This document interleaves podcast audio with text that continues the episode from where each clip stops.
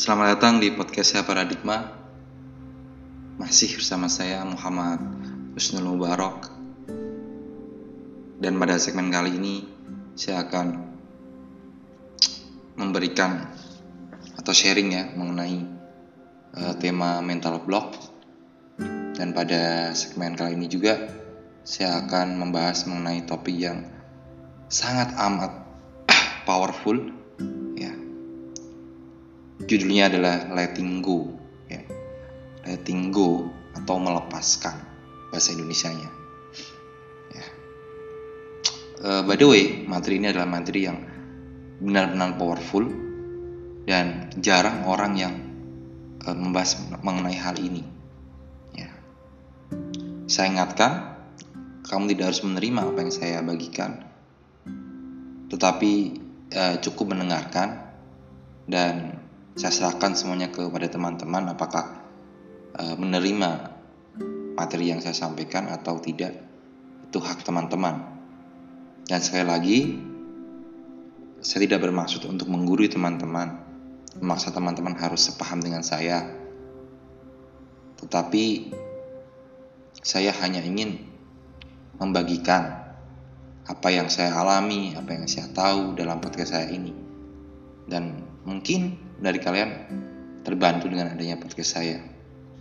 Dan apa? Dan jika ada yang merasa podcast saya itu uh, tidak berguna, ya kan, tidak penting, it's okay, uh, it's no problem ya. ya. Baik, letting go, nah, itu melepaskan. Ya. Uh, kenapa sih harus menjadikan topik ini dalam tema mental block? Ya. Uh, saya melihat bahwa kehidupan kita, budaya kita, mengajarkan kita untuk mendapatkan sesuatu. Ya. Ketika kita ingin sesuatu, kita dituntut, dituntut untuk mendapatkan ayo dikejar ayo dapatkan berusaha mati-matian. Ya dan ketika eh, sudah berhasil kita tidak bahagia seperti itu. Dan eh, faktanya kalau kita mau jujur banyak hal yang kita inginkan dalam hidup itu tidak terjadi. Justru hal-hal yang tidak kita inginkan itu terjadi. Dan itu real fakta sekali. Budaya kita mengajarkan kita mendapatkan. Tetapi kali ini saya harus mengatakan kita harus bersikap atau belajar bersikap melepaskan, ya. bukan mendapatkan. Uh, mungkin cukup aneh buat teman-teman. Kok bisa sih kita harus melepaskan sesuatu bukan untuk mendapatkan sesuatu? Bukankah kalau kita mengingat sesuatu, entah uang, entah apa pun itu kita harus mendapatkan dengan keras ya uh, silahkan teman-teman berpikir seperti itu. Tapi saya pribadi setelah apa yang saya alami selama 25 tahun saya hidup saya merasakan sikap melepaskan itu adalah sikap yang paling indah yang paling enak dan yang membuat kita bahagia daripada kita harus mendapatkan. Ketika saya contoh ya ketika saya ingin mendapatkan apa yang saya inginkan ternyata Tuhan alam semesta atau sebagainya justru tidak memberikan apa yang saya inginkan. Saya seperti ditendang sana kemari ya di luar apa yang saya inginkan tetapi justru itu yang membuat saya lebih baik hari ini. Dan saya bersyukur bahwa saya tidak mendapatkan apa yang saya inginkan. Karena hal yang tidak saya inginkan sekarang ini justru membuat saya lebih bahagia. Contoh dulu saya tidak ingin kuliah. Saya lulus SMA, ingin bekerja di perusahaan swasta tiga tahun, kemudian saya bekerja. Tetapi entah gimana caranya, saya dibenturkan dengan kondisi-kondisi hambatan-hambatan yang ah, sepertinya itu memang harus terjadi maksudnya Tuhan seakan-akan itu memang dengan sengaja memberikan saya hambatan-hambatan itu agar saya tidak mendapatkan apa yang saya inginkan. Ya, seperti ditendang ke sana kemari. Dan waktu itu saya berpikir hidup ini sungguh kejam sekali. Ya, saya sudah berusaha mati-matian saya nggak dapat. Tetapi ketika saya coba melepaskan apa yang saya inginkan, saya ikuti alurnya, ternyata jika saya menilai menilai menilainya dengan saat ini, justru saya bersyukur. Ternyata hidup yang baik, hidup yang indah, itu adalah hidup yang mengikuti arus bukan melawan arus. Ya jadi memang lebih nikmat mengikuti arus tapi kenapa orang sepertinya seakan-akan dia bisa merancang kehidupannya gitu loh? Seakan dia arsitek. Nah ini kan sebenarnya kalau dipikir sangat kontradiktif. Kita nih ya atau orang-orang yang percaya bahwa Tuhan itu adalah yang menciptakan segalanya Tuhan yang memberikan kebahagiaan dia tidak mungkin membikin, uh, membuat kamu sebagai hambanya telantar tapi kita dalam bersikap seakan-akan kita ini sebagai Tuhan ya. Coba uh, direnungkan itu. Ini penting sekali. Dan ketika saya gagal mendapatkan apa yang saya inginkan bekerja di swasta berkarir saya ditendang untuk kuliah. Ya saya lulus kemudian entah kenapa sekarang saya diarahkan untuk jadi seorang advokat. Gitu. dan saya pun saat ini tidak tahu ke depannya saya apakah berhasil atau tidak tapi dalam hati saya tetap percaya bahwa jika saya mengikuti jalan Tuhan tanda kutip saya pasti akan mendapatkan apa yang tidak saya inginkan tetapi itu akan membuat saya lebih bahagia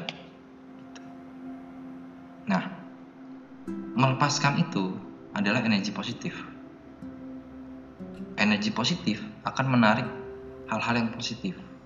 Saya sudah banyak sekali ngomong mengenai hal ini, mengenai energi positif, mengenai uh, apa ya, kenapa kita perlu menyetel, ya, menyetel frekuensi kita ke energi positif, ya, dan apa hubungannya energi positif dengan hal-hal yang positif? Dan sebaliknya energi negatif akan menarik hal yang negatif. Ya.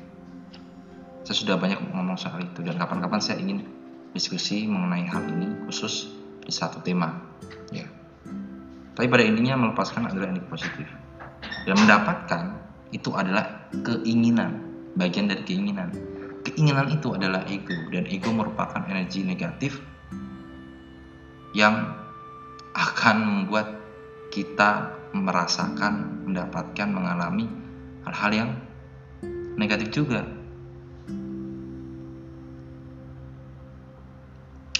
Mungkin terdengar aneh tapi coba teman-teman uh, open minded dulu dengan apa yang saya sampaikan. Dan nanti silakan teman-teman uh, implementasikan di kehidupan teman-teman dan coba nanti testimoni ke saya bisa DM saya apakah materi ini atau materi yang sudah saya sampaikan sebelumnya itu bekerja atau tidak. Nanti uh, silakan testimoni ya. Kalau yang mau. Melepaskan itu juga bisa dipadankan dengan kata-kata pasrah atau ikhlas. Pasti teman-teman sudah sering mendengar kata pasrah atau ikhlas, ya. Nah, oke, okay, mungkin kita harus melepaskan, kita harus pasrah, kita harus ikhlas. Tapi kenapa susah sekali untuk melepaskan, ya? Kamu tahu, kita susah melepaskan karena pikiran kita ya, itu menghalangi kita untuk ke kondisi uh, pasrah atau ikhlas. Ya. Pikiran kita yang menjadi penghalangnya, sehingga kita susah untuk melepaskan sesuatu. Karena pikiran itu, ya, dia punya rasionalisasi atau alasan-alasan yang kelihatannya logis. Contoh, uh, kita ingin melepaskan wanita yang tidak kita ah maaf kita ingin melepaskan wanita yang tidak cinta sama kita ya. Kan? nah ketika kita ingin melakukan itu pikiran kadang ngomong sendiri eh kok malah dilepasin sih kan kamu cowok kamu harus kejar dia dong. Berusaha lebih mati-matian dong. Perjuangin dong. Ya. Kalau kamu nggak gitu kamu nggak akan dapet cewek lagi. Dan nggak akan bisa dapet cewek kalau kamu nggak melakukan itu. You see that? Itu ego itu pikiran. Ya. Faktanya seberapa besar kamu melakukan itu. Ya berjuang berkorban berusaha. Cewek tetap aja nggak jelas sama kamu. Jujur saja karena saya juga pernah mengalaminya. Termasuk ketika kamu sudah berusaha mendapatkan pekerjaan atau uang dan nggak dapat dapat kamu ingin melepaskan lah memasrahkan semuanya sama di atas. Tapi pikiran kamu bilang kalau kamu nggak nggak mati-matian berusaha kamu akan dapat loh. Usaha dulu lah. Mati-matian lah kerja keras lah bating tulang lah. Kalau nggak gitu kamu nggak dapat saya nggak ngomong bahwa kita tidak melakukan take action ya itu beda lagi. Nanti saya sampaikan. Iya kita akan take action. Tapi kita harus memastikan bahwa take action yang kita lakukan itu adalah take action yang benar ya. Di belakang saya akan ngomong mengenai masalah take action ini. Jadi penting untuk dipahami dulu bahwa melepaskan itu adalah energi, positif ketika kita melepaskan sebenarnya kita menarik hal-hal yang positif. Saya punya banyak teman ketika dia tidak ngotot ini. Hidupnya lebih baik. Teman dekat saya dia diselingkuhin dia galau kemudian dia melepaskan dengan ikhlas. Tiba-tiba banyak cewek yang datang. Hidupnya lebih baik. Dia dapat pekerjaan. Ya. Jadi melepaskan itu adalah energi positif dan energi positif akan membawa hal-hal positif dalam kehidupan kamu. Oke? Jelas ya? Nah. Dengan melepaskan kita bergerak sesuai alam semesta ya. sesuai alam semesta kita bergerak sesuai alam semesta atau sesuai dengan keinginan Tuhan.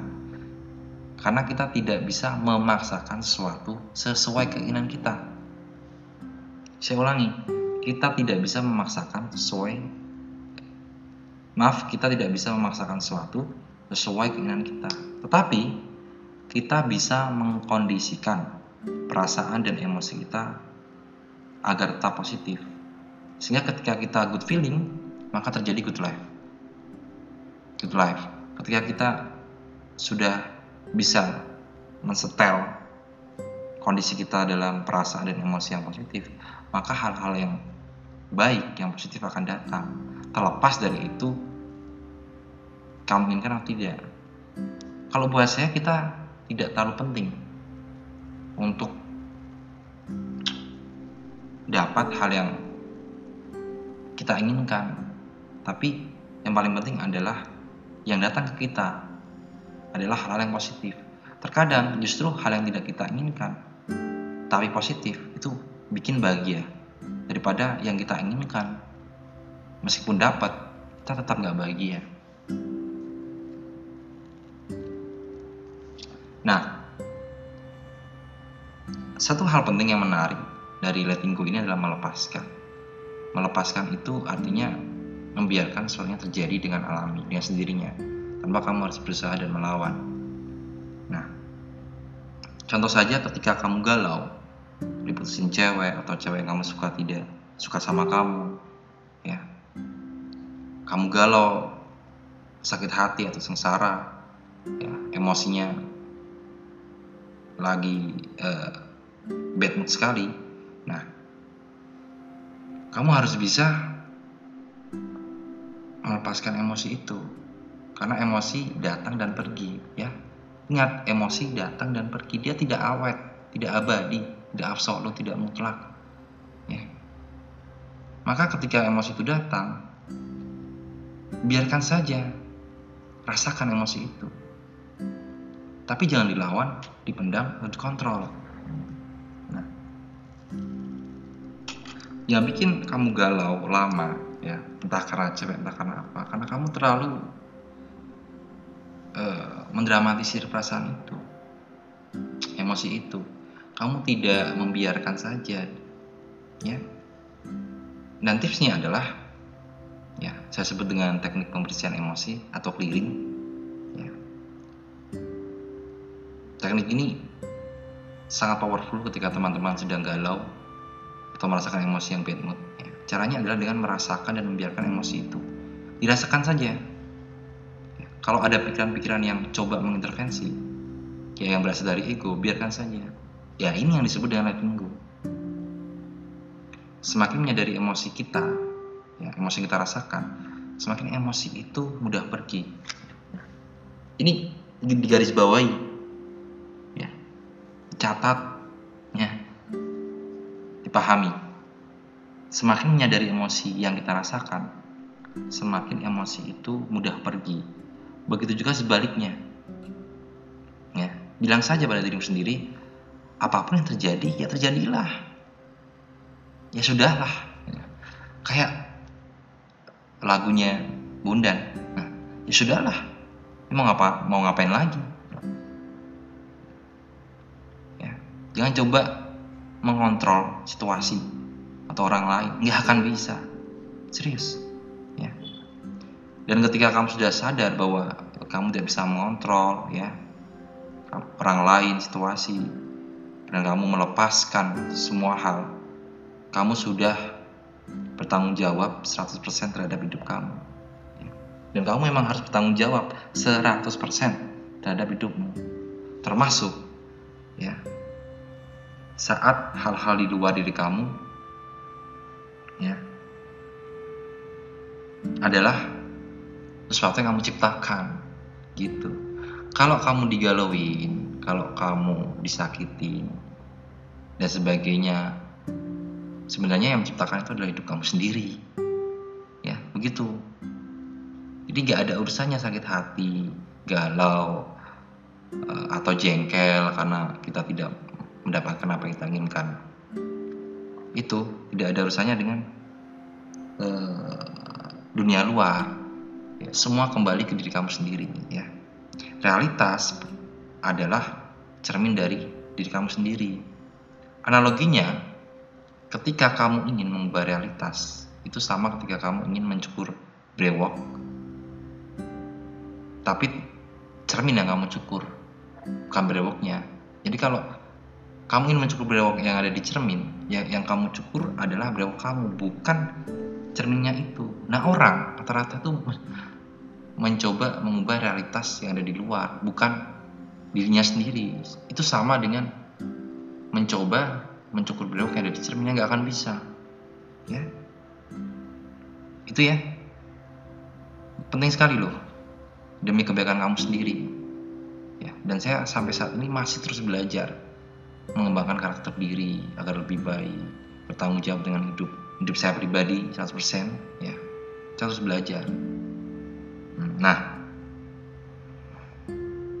ketika kamu sudah tahu bahwa hal terbaik adalah melepaskan ya. baik melepaskan emosi keinginan. Maka kamu kemudian sudah mulai naik level dari kondisi emosi kamu yang negatif ke kondisi emosi kamu yang positif.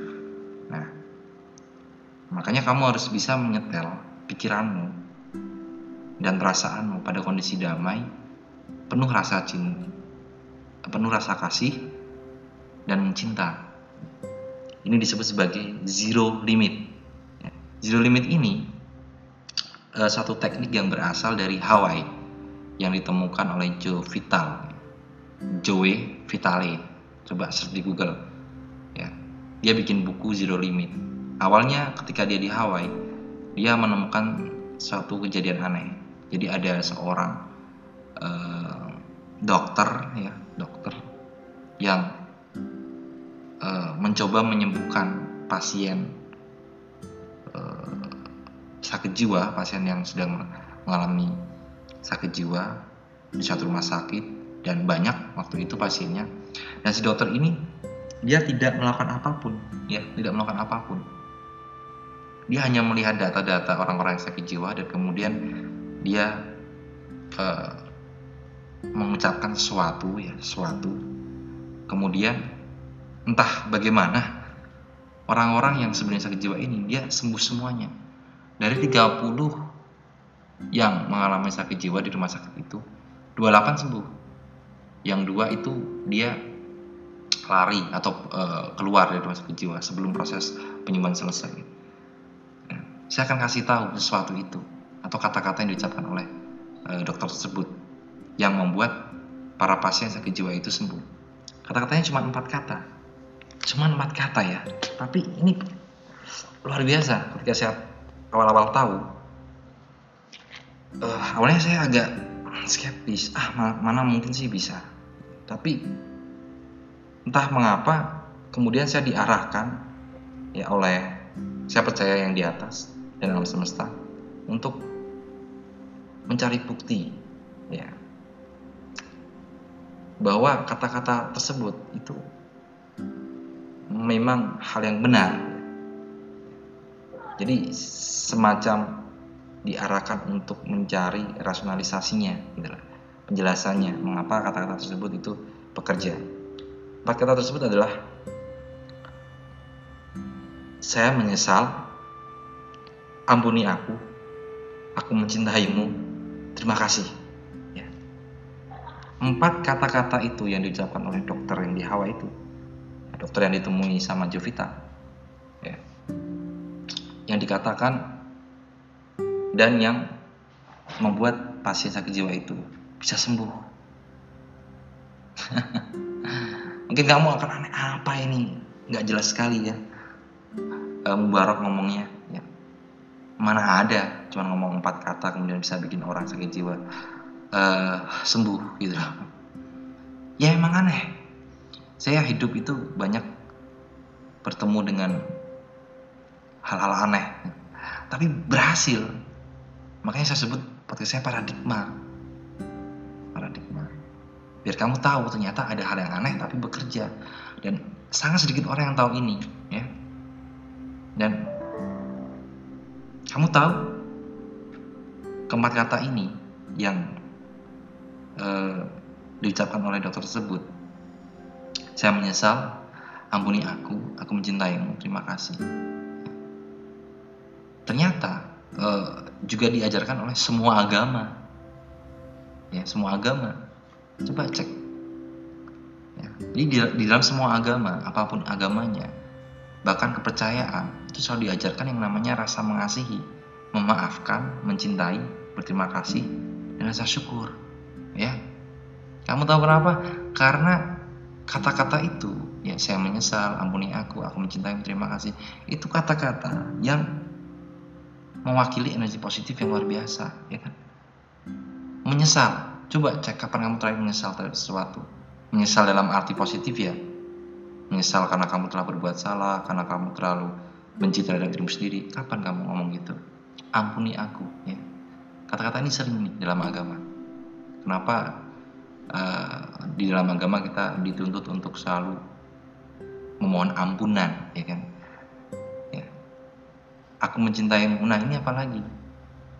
cinta sangat-sangat positif kapan-kapan saya ngomong soal cinta ya, bukan cinta soal cewek doang ya universal nih terima kasih ya terima kasih ya kalau orang ngomong terima kasih itu kan eh, berarti kita sudah apa namanya membuat satu energi positif.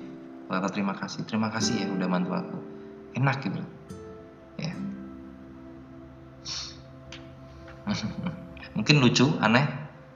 Mungkin teman-teman skeptis tapi oke okay, eh, dengarkan dulu saja dan coba perhatikan ini. Nah keempat kata itu yang yang membuat pasien sakit jiwa di Hawaii sembuh itu kemudian dicontoh oleh Jeff untuk mendatangkan hal-hal baik terhadap kita apa pun itu. Yang tak cewek pekerjaan teman uang dan sebagainya. Tapi ketika seorang mengucapkan keempat kata ini ya dia harus punya keyakinan bahwa uh, punya keyakinan bahwa dengan mengucapkan kata-kata ini suatu ya suatu hal yang baik akan terjadi dengan dia ya saya ulangi ketika orang ingin mengatakan keempat kata ini saya menyesal ampuni aku aku mencintai terima kasih ia punya keyakinan bahwa kata-kata ini adalah energi positif dan hal-hal baik akan datang di dalam kehidupan dia. Ya.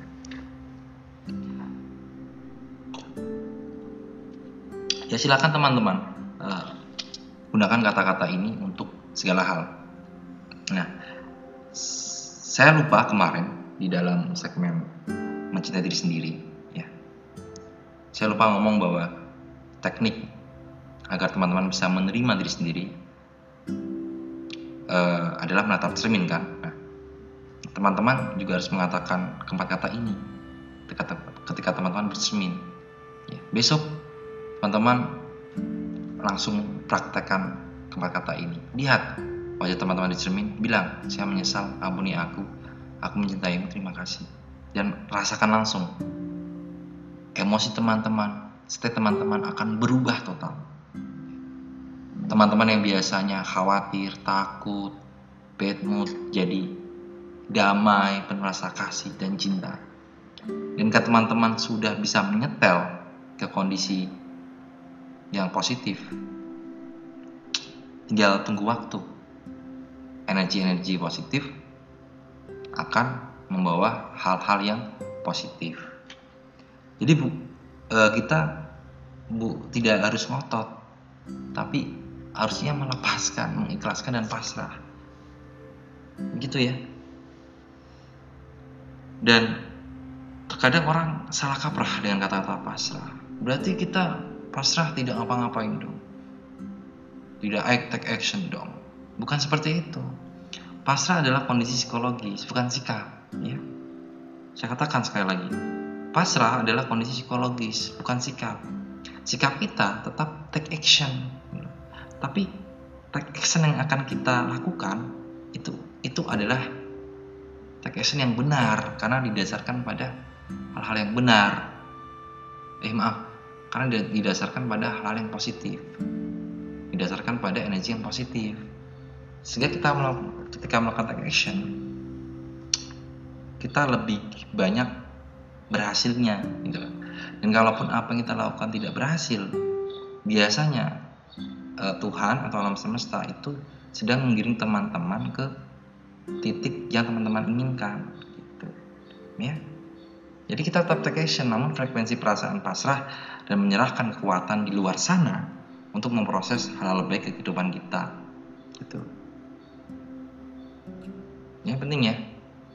Jadi bukan kemudian kita melepaskan ikhlas pasrah terus kita nggak ngapa-ngapain cuma di kamar. Enggak. Take action apa pun actionnya. Karena ketika sudah sudah ke energi positif, biasanya intuisi yang bekerja. Ketika kita mengerti intuisi, biasanya benar action yang kita lakukan. Itu. Namun ya, hal yang harus di diperhatikan pikiran kita ya, selalu ingin mengintervensi ya. Selalu ingin mengintervensi dan mencoba menggagalkan apa yang kita yakini ya. pikiran itu memang terkadang berbahaya kalau tidak kita kendalikan. Ya. Nah, contoh seperti ini. Hmm, kamu kenal cewek ya. Energi kamu positif. Intuisi kamu bilang ajak jalan. Tapi terkadang pikiran mengatakan, ajak jalan, ngaca dong. Kamu kan nggak keren, kamu kan nggak ganteng, kamu kan semi-semi homo gitu. Kamu kan hmm, nggak hmm, fashionable, dia kan cewek high class. Ya, beda dengan kamu, tidak kasta. Dia kan beda dari dari surga, kamu bisa dari neraka ya. Kan pikiran seperti itu. Nah, ketika pikiran datang seperti itu, biarkan saja, tetap ikuti action berdasarkan intuisi. Ya. Ini penting karena biasanya teman-teman lebih mendengarkan pikiran teman-teman daripada intuisi teman-teman. Padahal pikiran itu adalah kebingungan.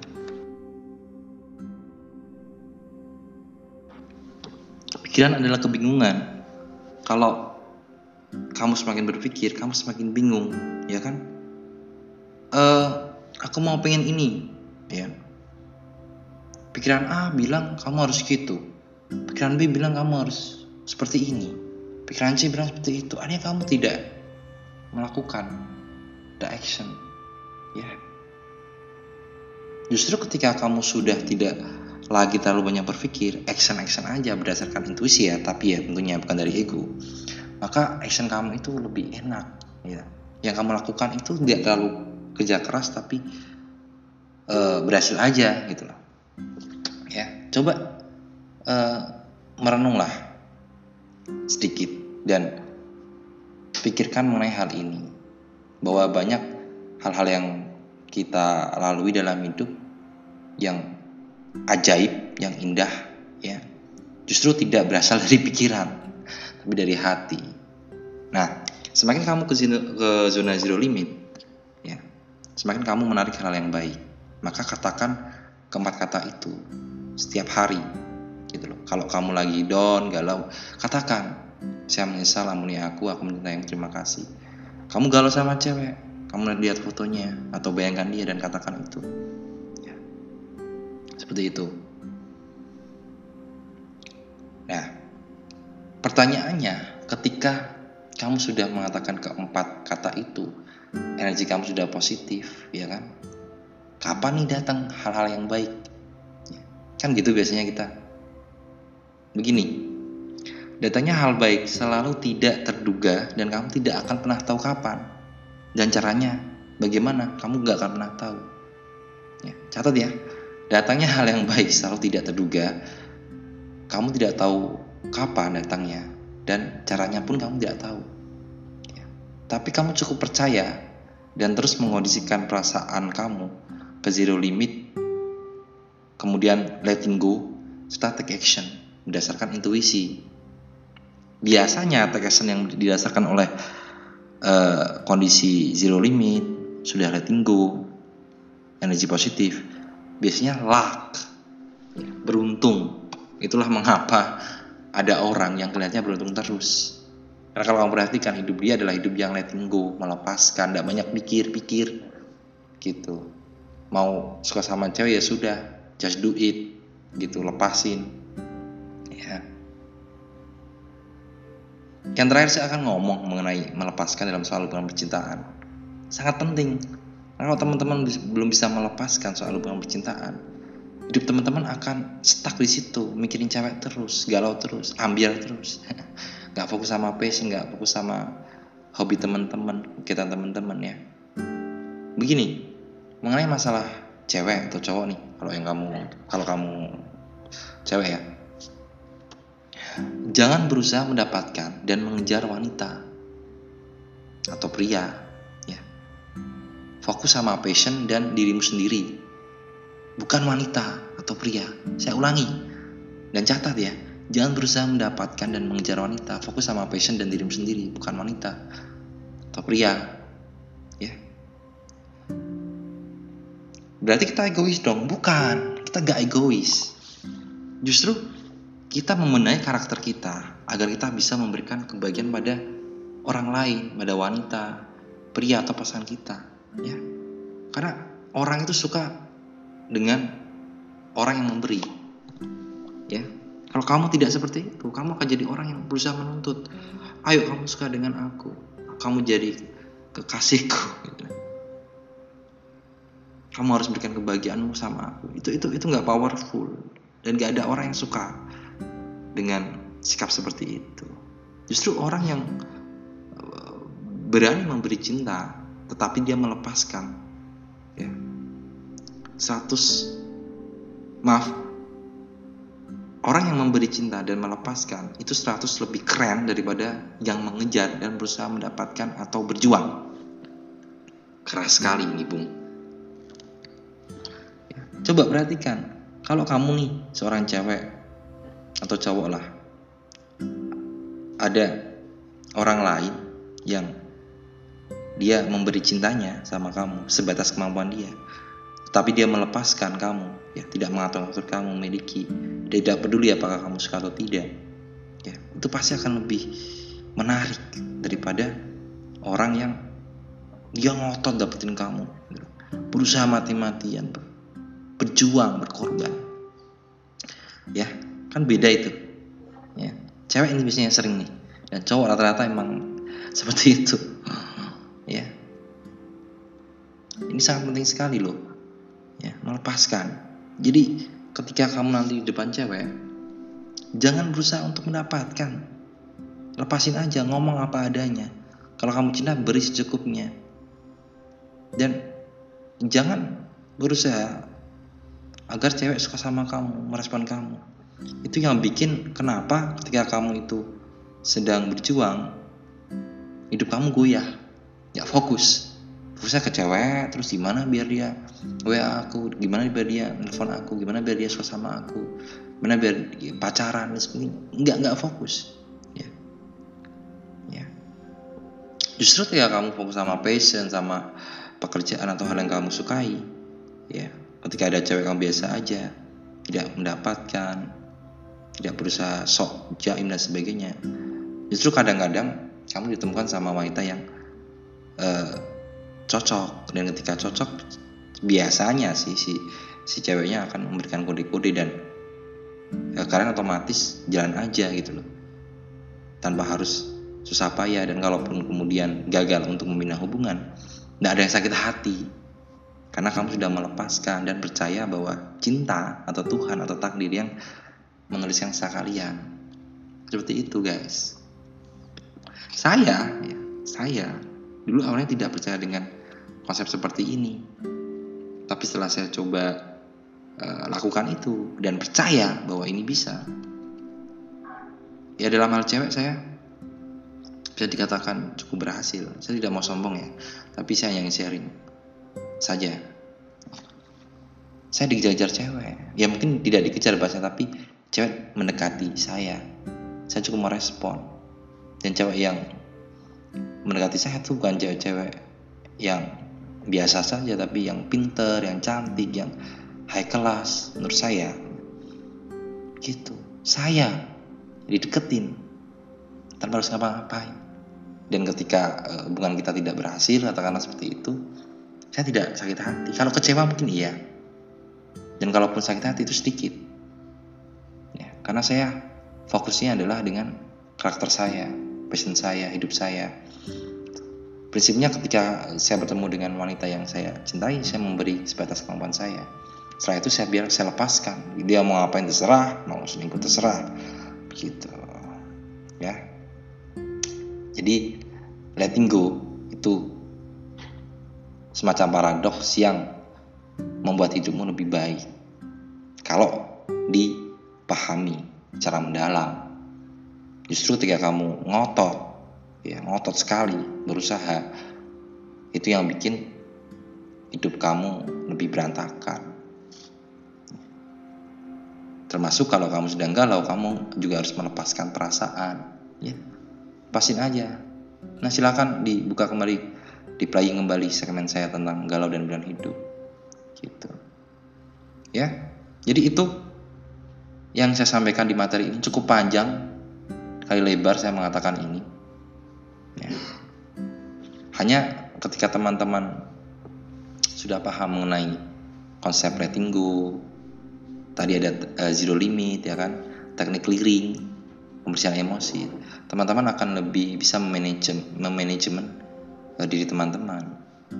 Karena memang podcast saya masuknya ke dalam kategori self improvement atau self help atau development self yang semuanya terkait dengan pengembangan diri.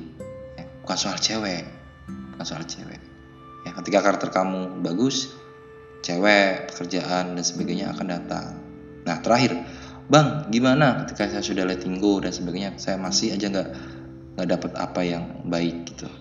Nah saya juga mengalaminya ingat ya ini bukan soal realitas di luar tapi diri kamu sendiri. Cepat atau lambat ketika kamu sudah bisa mengubah perasaan kamu mengubah uh, pikiran kamu mengubah kondisi kamu ke state yang zero limit tadi hal-hal baik akan datang ke kamu cepat atau lambat. Kamu cukup percaya aja ya. Ini semacam kamu pesan makanan di kafe udah pesan sudah diantarkan oleh uh, waitress dan sedang dibuat. Ya tetapi justru kamu malah bilang ah makanannya nggak jadi. Karena saya nggak dapat makanan. Ya sudah saya batal pesan makanan. Nah kamu tahu padahal makanan sedang dibuat di dapur. Ya yang kamu lakukan adalah percaya saja bahwa hal baik itu sudah diproses sudah datang tinggal kamu menunggu. Dan take action bisa maaf dan take action berdasarkan intuisi saja ya Jangan ragu, ketika kamu ragu, sudah. Energi kamu negatif, khawatir, takut itu negatif. Percaya dulu aja, cepat atau lambat. Ya. Biasanya hanya butuh dua bulan, tiga bulan. Suatu yang baik akan terjadi ketika kamu sudah konsisten bisa bisa percaya dan bisa menyetel kondisi energi kamu ke dalam level yang positif. Ya. Itu. Tetapi kamu juga harus bisa letting go melepaskan dan percaya pasrah. Ya pasrah saja. Ya dengan uh, kondisi pasrah biasanya keberhasilan kebahagiaan atau apa yang uh, kamu inginkan ya, suatu yang baik lah ya akan datang. Teman saya saya perhatikan tuh banyak seperti itu. Ketika mereka pasrah biasanya langsung keluar. Pius gitu. Justru ketika ngotot gak datang. Itu. Dan biasanya datang ketika kamu tidak tahu. Tiba-tiba saja. Begitupun saya ketika ada cewek cantik kayak kelas terkenal uh, dekat dengan saya dia mungkin suka dengan saya itu tidak pernah saya hmm, tidak pernah saya prediksi. Tiba-tiba aja datang dan ketika datang kamu harus percaya bahwa itu memang uh, hasil daripada uh, kepercayaan kamu emosi kamu yang positif. Dan itu dari alam semesta atau Tuhan. Ya nikmati gitu. Jangan berpikir macam-macam. Nah, oke. Okay. sudah terlalu lama saya bicara ya. Luar biasa memang materi ini. Makanya saya memang harus menjelaskan panjang kali lebar. Ya silakan teman-teman dengarkan beberapa kali agar teman-teman paham apa yang saya sampaikan dan praktekkan ini penting praktekkan action ya action praktekkan kemudian uh, rasakan uh, perbedaannya sebelum teman-teman mengetahui materi ini setelah teman-teman mengetahui materi ini. Itu yang bisa saya sampaikan. Kalau ada yang kurang atau tidak paham bisa DM saya di uh, IG saya Muhammad Kusnul M dan kita juga bisa berdiskusi.